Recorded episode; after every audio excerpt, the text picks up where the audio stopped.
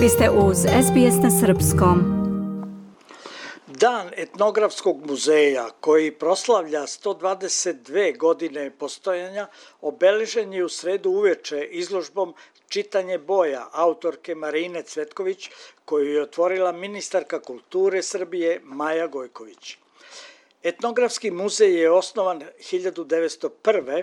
izdvajanjem etnografskog odeljenja iz okvira Narodnog muzeja, a predlog i idejno-teorijsku osnovu za stvaranje muzeja u kojem će se izučavati narodni život sastavio je istoričar Stojan Novaković, član Srpskog učenog društva.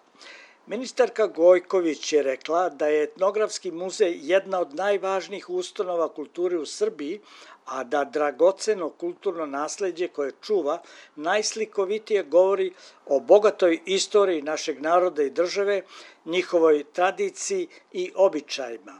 Zatim je nastavila. Inicirajući osnivanje muzeja veliki srpski naučnik Stojan Novaković postavio je temelje kuće koje će kroz istraživački rad, sakupljanje i dokumentovanje materijala verno prikazati raznolikost kulture našeg naroda na svim prostorima na kojima on živi. Vremenom, etnografski muzej postoje ne samo čuvar jedinstvene kulturne baštine, već i jedan od njenih simbola. Građa o kojoj se muzej stara odnosi se na tradiciju, sećanje, običaje, mitove koji su svi zajedno temelj nacionalnog i kulturnog identiteta.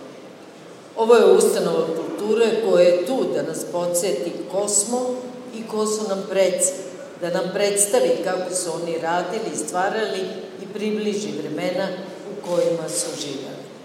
Etnografski muzej pruža nam jedan od najljepših pogleda u prošlost, ispunjen ponosom, patinom i sjajem, uz obaveznu dozu nostalgije za vremenom koje je iza nas. On je autentični svedok i tumač tradicionalne materijalne kulture, društvenih odnosa i porodičnog života, običaja, verovanja i narodnog stvaralaštva. Dame i gospodo, sada, nakon više od jednog veka postojanja, Dan etnografskog muzeja obeležavamo otvaranjem izložbe koja predstavlja predmete iz etnografske zbirke 19. veka. Svo bogatstvo i velika raznolikost našeg kulturnog nasledđa mogu se sagledati na primeru teme ove izložbe.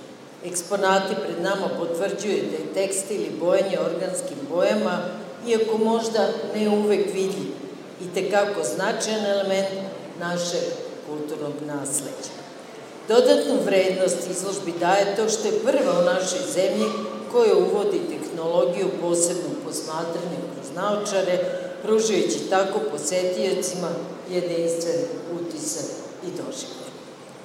Ovom zanimljivom postavkom na originalan način prikazuje se razvojni put tradicionalnih načina bojanja tekstila.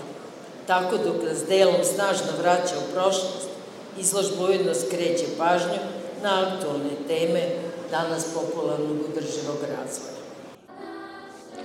Dečiji hor osnovne škole Kralj Petar I izveo je himnu Bože pravde, a na svečanosti u etnografskom muzeju su nastupili džez pijanista Vasil Hadžimanov i pevačica Marta Hadžimanov.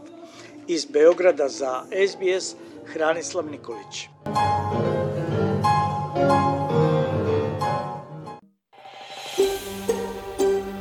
Želite da čujete još priča poput ove?